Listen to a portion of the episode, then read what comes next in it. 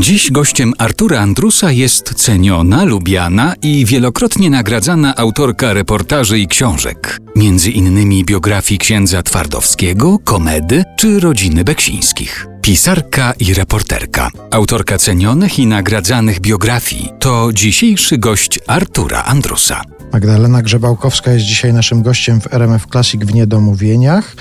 Bohaterowie Twoich książek pojawiają się tutaj w tej rozmowie i będą się pojawiać. A czy Ty potrafisz się od nich uwolnić? To znaczy, jak kończysz taką książkę, to od razu zapominasz, że ktoś taki jak Beksińscy istniał, czy Komeda, czy ksiądz Twardowski?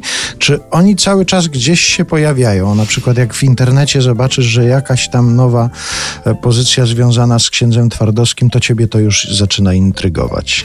Tak intrygować, żeby wziąć, przeczytać tę książkę i są tam jakieś nowości albo jakiś dokument i żeby powiedzieć wydawnictwu, słuchajcie, poprawiamy, to nie. To nie.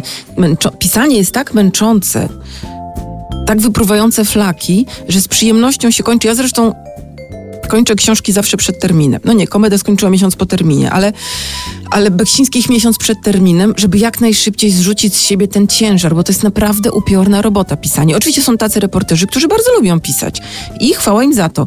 Dla mnie pisanie jest męką, męka twórcza. Więc, yy, więc kiedy kończę pisać, stawiam kropkę, no to potem jeszcze oczy, oczywiście część redakcyjna, trzeba to czytać. Najgorzej jest, że, że trzeba przeczytać parę razy swoją książkę po napisaniu książki. No co za nuda. Przecież wszystko już wiem, co napisałam. No ale trzeba, bo jednak błędy się robi.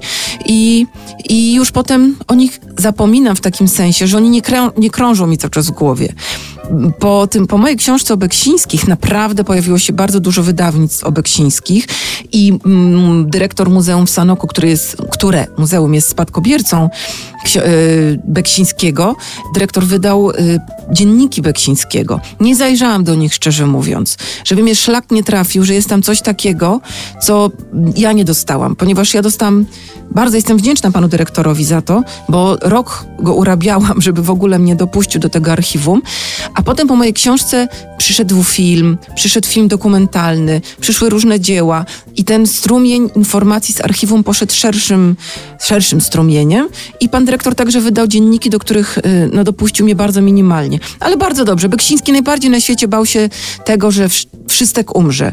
Chciał bardzo, żeby było non omnis moriar, nie wszystek umrę i to się udało. O Beksińskim się mówi, pamięta, ale nie czytam tego, żeby, żeby się nie denerwować, a poza tym ja już nie chcę. Ja no to sztytka robota reporterska. Piszesz reportaż i nie tkwisz potem w tym reportażu dalej, bo masz następne tematy.